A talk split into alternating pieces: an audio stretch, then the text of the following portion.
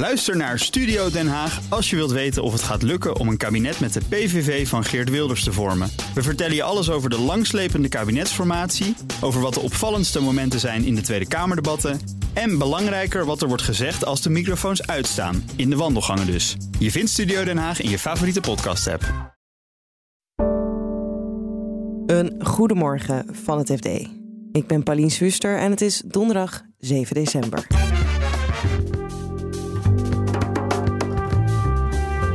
De familiehypotheek is razend populair. Volgens veel uh, experts toch wel discussie waard van ja, hoe graag willen we dit nou eigenlijk? Investeringsmaatschappij Torx wil van Beterbed een succesvolle webwinkel maken. Het is niet echt een bewezen businessmodel, maar zij uh, gaan het toch proberen. En de Nederlandse techsector laat zich van zijn beste kant zien in de VS. Op de achtergrond speelt natuurlijk dat Amerika bezig is met die America First agenda.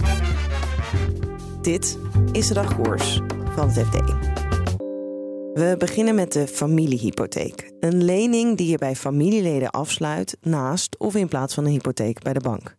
Een constructie die starters op weg kan helpen en bovendien ook fiscaal voordeel oplevert. En dat maakt de familiehypotheek volgens de Nederlandse bank razend populair, vertelt vastgoedredacteur Eek van Rijn. Wat de onderzoekers van DNB hebben onderzocht is dat in 2020 um, 645.000 huishoudens een uh, familiehypotheek hadden. Dat is dus een, uh, een hypotheek die je bijvoorbeeld krijgt als kind van je ouders. Naast de hypotheek die je bijvoorbeeld bij de bank afsluit. En dat uh, was een bedrag destijds in 2020 van in totaal stond er uit voor 70 miljard euro aan dit soort familiehypotheken. Um, en dat is ongeveer een tiende van de totale Nederlandse hypotheekschuld die toen de tijd zo rond de 700, 700 miljard euro was, nu al ietsje meer. Maar dat is dus behoorlijk. Betekent eigenlijk dat een zesde van de huishoudens uh, ja, gebruik maakt van zo'n uh, familiehypotheek bij de aanschaf van een uh, woning of, of, of voor iets anders. Ja, dat klinkt voor mij in ieder geval als heel veel. Ja, dat klopt. En dat was ook niet eerder bekend. Het was wel duidelijk dat die familiehypotheken een, een gangbare route wa waren om voor heel veel mensen om toch nog een extra zetje te krijgen op het moment dat je ja, er niet tussen kwam op die huizenmarkt. Maar hoe groot dat nou eigenlijk was, dat wisten we niet. En daar heeft dit uh, onderzoek van de Nederlandse Bank uh, daar, daar nu een antwoord op, op gegeven. En het blijkt best fors te zijn. Ja, en we weten dus niet of het toeneemt. Nee, dat weten we niet, want de onderzoeken hebben dus eigenlijk alleen gekeken naar het jaar 2020. Dus ze hebben gegevens gepakt van het Centraal Bureau voor de Statistiek die beschikbaar zijn gesteld. En we hebben dus eigenlijk alleen van dat jaar weten we wat de situatie op dat moment is. En dat was natuurlijk een jaar 2020 waarin die huizenprijzen nog zo enorm explodeerden. Toen in dat jaar is er voor 1,2 miljard aan uh, familiehypotheken bijgekomen. En dat was toen meer dan de 700 miljoen die werd geschonken via de, via de jubelton. Hè? Die belastingvrije schenking die inmiddels is, is afgeschaft. En hoe zit dit fiscaal? Is het, op die manier interessant? Ja, dat is natuurlijk de, het grote, grote ding. Kijk, als ouders wil je natuurlijk iets voor je, iets voor je kinderen doen. En op deze manier kan dat eigenlijk heel makkelijk. Dus wat er gebeurt is dat je, um, uh, je sluit eigenlijk um, in de praktijk komt het erop neer dat heel veel ouders met hun kinderen een hypotheekovereenkomst sluiten. Waarbij je dus eigenlijk zegt van nou, we lenen je geld uit tegen een, uh, tegen een rente. En die rente mag ook eigenlijk niet heel erg afwijken van de rente die je bij de bank krijgt. Maar die lening komt vaak in veel gevallen bovenop de lening die je dus bij de bank krijgt. Dat betekent dat je extra geld om handen hebt. En wat het aardige is aan deze lening is dat je dus die rentekosten die je moet betalen aan, uh, aan je familielid, vaak, ja, vaak als kind aan, aan je ouders. Die kunnen jouw ouders uh, aan het einde van het jaar weer geheel of gedeeltelijk, want het hangt een beetje af van hoe groot het, het bedrag is, terugschenken aan jou. Je kan als ouder zo'n bedrag van zo ongeveer 600, 6000 euro op jaarbasis belastingvrij terugschenken. En dat betekent eigenlijk dat die rente die je aanvankelijk betaalt aan het einde van het jaar weer terugkomt. En dat, ja, dat leidt er dus eigenlijk toe dat je een soort renteloze lening hebt. En dat is fiscaal best wel, best wel aantrekkelijk. En ik kan me voorstellen, als we kijken naar de woningmarkt als geheel, dat dat het extra verhit voor de mensen die niet zo'n familiehypotheek hebben. Nou, daar waarschuwt de Nederlandse bank dus nu wel voor. Die zegt eigenlijk van ja, wat je hiermee doet, is dat je heel veel mensen de mogelijkheid krijgt om best wel ma makkelijke manier extra geld beschikbaar te stellen voor het bieden op woningen. Nou, meer, als mensen meer geld kunnen lenen, kunnen ze ook meer geld bieden op een uh, woning. En dan leidt dus tot een uh, prijsopdrijving van de, van de huizenprijzen. En daarnaast is het zo dat het dus ja, fiscaal eigenlijk een beetje on, ondoelmatig is, uh, noemen de onderzoekers dat dan heel formeel. Wat eigenlijk zegt van het is eigenlijk niet zo heel eerlijk. Wat, wat er gebeurt is dat je niet alleen die. Kijk, dat je nog die belastingvrij uh, schenken, dat is misschien nog tot daaraan toe. Maar wat je ook kunt doen, is voor die lening die, die je krijgt, een, daar heb je ook hypotheekrenteaftrek voor. Dus je stapt naar een bank. De bank zegt op basis van je inkomen kun je drie ton lenen. Nou, dan stap je naar je ouders en dan zeg je, zeg je ouders, nou, bij ons kun je die 50.000 of die ton kun je nog extra lenen. En over dat bedrag, dat je dus eigenlijk niet kunt lenen bij de bank, kan je die hypotheekrenteaftrek ook nog gebruiken. En onderzoekers, uh, dus uh, aan de ene kant ben je dus redelijk overgefinancierd. Aan de andere kant heb je dus wel het fiscale voordeel ervan. En uh, de onderzoekers stellen dat dat rond de 150 tot 200 miljoen euro oplevert. Ja, en daarvan zeggen experts wel, goh, dat is misschien ook niet helemaal eerlijk. Dan is de jubelton afgeschaft om een gelijker speelveld te creëren. En zijn we weer terug bij af? Ja, eigenlijk wel. En dit is een regeling die, of nou ja, uh, terug bij af. Het is natuurlijk een, een, een route die al best wel langer gebruikt wordt. Het is ook maar net de vraag of die um, constructie nu in tijden van wat hogere rentes nog net zo vaak gebruikt wordt. Maar feit is dat we eigenlijk nog helemaal geen zicht hadden op, op hoe groot het was. En dat weten we nu wel. En uh, ja, dat is toch volgens veel uh, onderzoekers en, en experts toch wel discussie waard van ja, hoe, hoe graag willen we dit nou eigenlijk, dit voordeel? Beter Bed verdwijnt van de beurs en komt in handen van investeerder Torx Capital Partners. Wie is deze onbekende partij uit Bussum die er vandoor gaat met misschien wel de bekendste beddenverkoper van Nederland? Je hoort het van private equity-redacteur Gijs Den Brinker. Een Nederlandse investeringsmaatschappij die kopen bedrijven en uh, willen die na een aantal jaar doorverkopen met winst. Dat is wat ze doen. En kan ik ze ergens van kennen? Nee, ze hebben nog niet echt heel bekende uh, namen, bedrijven gekocht. Nou ja, nu dus wel, Beter Bed. Maar ze bestaan ook nog niet zo heel lang. Ze bestaan acht jaar. Het is eigenlijk een team dat uh, van een andere investeringsmaatschappij zich los heeft gemaakt en uh, als Torx verder is gegaan. En waar richten ze zich op? Op wat voor soort bedrijven? Ja, ze richten zich op bedrijven waar wat aan de hand is. Dat hoeft niet per se negatief te zijn, maar het kan wel. Bedrijven die ze kunnen helpen beter te worden of om uh, te helpen om de weg omhoog te vinden. En dat heet volgens mij een turnaround investeerder, toch? Klopt, dat is een turnaround investeerder. Dat is een, investeerder die bedrijven die in de kern gezond zijn, maar niet goed functioneren, niet goed presteren, weer op de rit krijgen. En hoe vergaat Torx dat? Heel erg goed, um, zou je kunnen zeggen. Ze hebben in ieder geval één casus die er echt uitspringt. Dat, was een ijzerwaren, dat is een ijzerwarenhandel uh, Fabery. Hebben ze in 2020 gekocht. Net de coronacrisis uh, brak uit. De economie leek uh, door het putje te gaan. En het bedrijf was al jaren verlieslatend. Dus ze hebben het voor heel weinig kunnen kopen.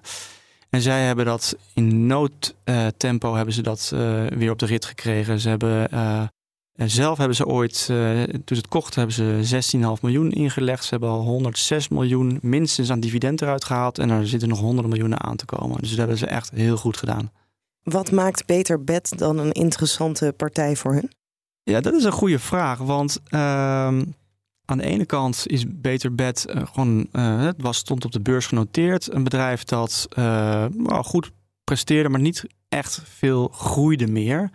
En daar willen ze denk ik verandering in brengen. Ze willen het bedrijf weer laten groeien. En uh, op een, een van de manieren is dat ze meer online willen verkopen. Ze willen de e uh, meer e-commerce, willen een e-commerce bedrijf van maken meer. En kunnen we al iets zeggen over of dat een succes gaat worden? Dat is moeilijk te zeggen. Het is een. Um, het is niet gebruikelijk. Hè? Voor kleding ga je naar Zalando of andere online winkels om te shoppen. Uh, maar een bed wil je toch vaak nog even zien of even op liggen. Een matras wil je voelen, aanraken. Dus het is niet echt een bewezen uh, businessmodel, maar ja, zij uh, gaan het toch proberen. En dan de Nederlandse techsector. Die liet zich de afgelopen dagen van zijn beste kant zien op handelsmissie in het zuidwesten van de VS. Amerika-correspondent Barbara Noordermeer was erbij. Ik ben inderdaad in, in Phoenix, wat gezien wordt als een beetje het centrum van de westerse chipindustrie. Uh, Nederland is hier op een handelsmissie onder leiding van premier Rutte. En mee is ook Mickey Adriaansens, de demissionair, moet ik natuurlijk zeggen, minister van Economische Zaken. En ook Vlaanderen is mee trouwens. De minister-president Jan Jan Bon heeft ook een aantal bedrijven uit de Vlaamse hoofdgeleidersindustrie uitgenodigd. En ja, het is een soort gecombineerde missie uh, hier naar Phoenix uh, om te leren van het ecosysteem hier, wat hier allemaal gebeurt. En, uh, en te kijken wat, er, ja, wat de Nederlandse bijdrage is en hoe die nog verder kan worden vergroot. Ja, want wij hebben dus en nou, demissionair premier, minister, topbedrijven meegestuurd. Best zwaar geschud. Wat, wat willen we uiteindelijk bereiken met die handelsmissie? Nou, er speelt natuurlijk best wel veel ook op de achtergrond. Dus ik was daar ook wel heel erg benieuwd naar. En uh, uh, kijk, zo'n handelsmissie wordt natuurlijk maanden van tevoren al in gang gezet. Dus daar is ver voor de Nederlandse verkiezingen aan begonnen. Ja, waarschijnlijk had de VVD toen ook niet verwacht dat ze niet de volgende premier uh, zeer waarschijnlijk gaan leveren. Dus ineens is hier demissionair premier Rutte aanwezig. Maar ja, men gaat toch vol goede moed hier langs bij verschillende bedrijven. Gisteren was natuurlijk de presentatie van ASM. Uh, super succesvol Nederlands chipbedrijf dat hier 300 miljoen gaat investeren voor een nieuwe campus. Er moeten ook 500 mensen meer komen gaan werken. Dus ja, wat ze proberen te bereiken is vooral uh, Nederland neer te zetten als een super succesvolle, betrouwbare handelspartner voor die Amerikaanse bedrijven. En eigenlijk is dat dus ook al een beetje gaande. Maar op de achtergrond speelt natuurlijk dat Amerika bezig is met die America First agenda. Uh, dat is al een beetje ingezet door Trump, hè? Dat, uh, dat weet je. Die, uh, die wilde China wat verder weg houden en meer de productie weer in Amerika centreren. Nou, Biden gaat daar nog actiever achteraan. Die is gekomen vorig jaar met die IRA, wat al een heel grote miljardeninvestering was voor het bedrijfsleven. En de Chips Act kwam er achteraan. 39 miljard specifiek voor die halfgeleidersindustrie. En ja, Nederlandse bedrijven die proberen daar wel een graantje van mee te pikken natuurlijk. En dan zijn er natuurlijk ook nog die exportrestricties uh, aangekondigd uh, voor, voor China. Ik wou net uh, zeggen, speelt dat nog een grote rol tijdens die handelsmissie? Gaat er veel over? Nou, officieel gaat het daar dus niet over. Ik heb premier Rutte daar specifiek naar gevraagd. En die zegt, dat is niet een onderwerp bij dit soort uh, besprekingen. De, hij zegt, ja, we hebben daar andere goede gesprekken over in een ander verband, ook met Japan erbij. Uh, maar dit is echt uh, laten zien wat, wat Nederland doet. Als je natuurlijk aan, aan bedrijven onderling, die, die hebben het daar vast wel over. Ik kan me niet voorstellen dat het daar helemaal niet over gaat. En ik, ik heb natuurlijk vooral ook gepolst van, gaan jullie meedingen? Bij die, uh, die 39 miljard voor die Chips Act. En, uh, en? ja, dat zijn, dat, zijn ze, dat zijn er meerdere. Sommigen hebben de aanvraag zelfs al klaar. Anderen zijn er nog aan overwegen. Sommigen zijn nog aan het bekijken. Het is een hele ingewikkelde procedure die echt ontzettend veel stappen betreft. En die de meeste bedrijven ook echt niet in een eentje kunnen doen. Want het is gewoon veel te ingewikkeld. Maar ja, dan zie je ook meteen hoe graag Amerika wil uh, dat die investeringen komen. Dus er is heel veel hulp. Hè. Staten staan echt klaar om die bedrijven dan te helpen. En dan kunnen we gezamenlijk uh, als Nederland en de VS uh, strategisch op tegen China. Nou ja, dat is natuurlijk wat interessanter, want die productie die komt dan hier naar Amerika. En, en Nederland doet dan in EU-verband mee met een soort tegenbeweging. Hè. Europa heeft ook een, een Chip Act, een eigen Chip Act, als antwoord op die Amerikaanse Chip Act daarvan is wel een beetje de klacht. Als je zo informeert van ja, dat gaat allemaal wel wat stroever in Europa. Weet je, Amerika is gewoon lekker daadkrachtig. Pats, boem, hup, klaar. Heel duidelijk wat er nou precies op tafel ligt. En in, in Europa gaat het over zoveel schijven.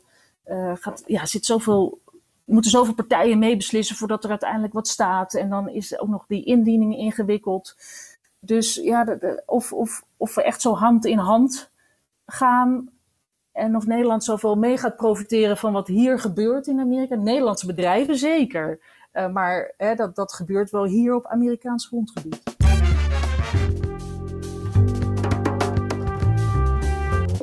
Dit was de dagkoers van het FD. Morgen staat er weer een nieuwe aflevering voor je klaar. En in de tussentijd lees je het laatste financieel-economisch nieuws op fd.nl. Voor nu een hele fijne dag en graag tot morgen. Ook Liesbeth Staats vind je in de BNR-app. Ja, heel handig. Luister live naar Kees en mij tijdens de Daily Move. Dan blijf je ook gelijk op de hoogte van breaking news en het laatste zakelijke nieuws. En daar vind je ook alle BNR-podcasts, waaronder de Perestrooikast. Download nu de gratis BNR-app en blijf scherp.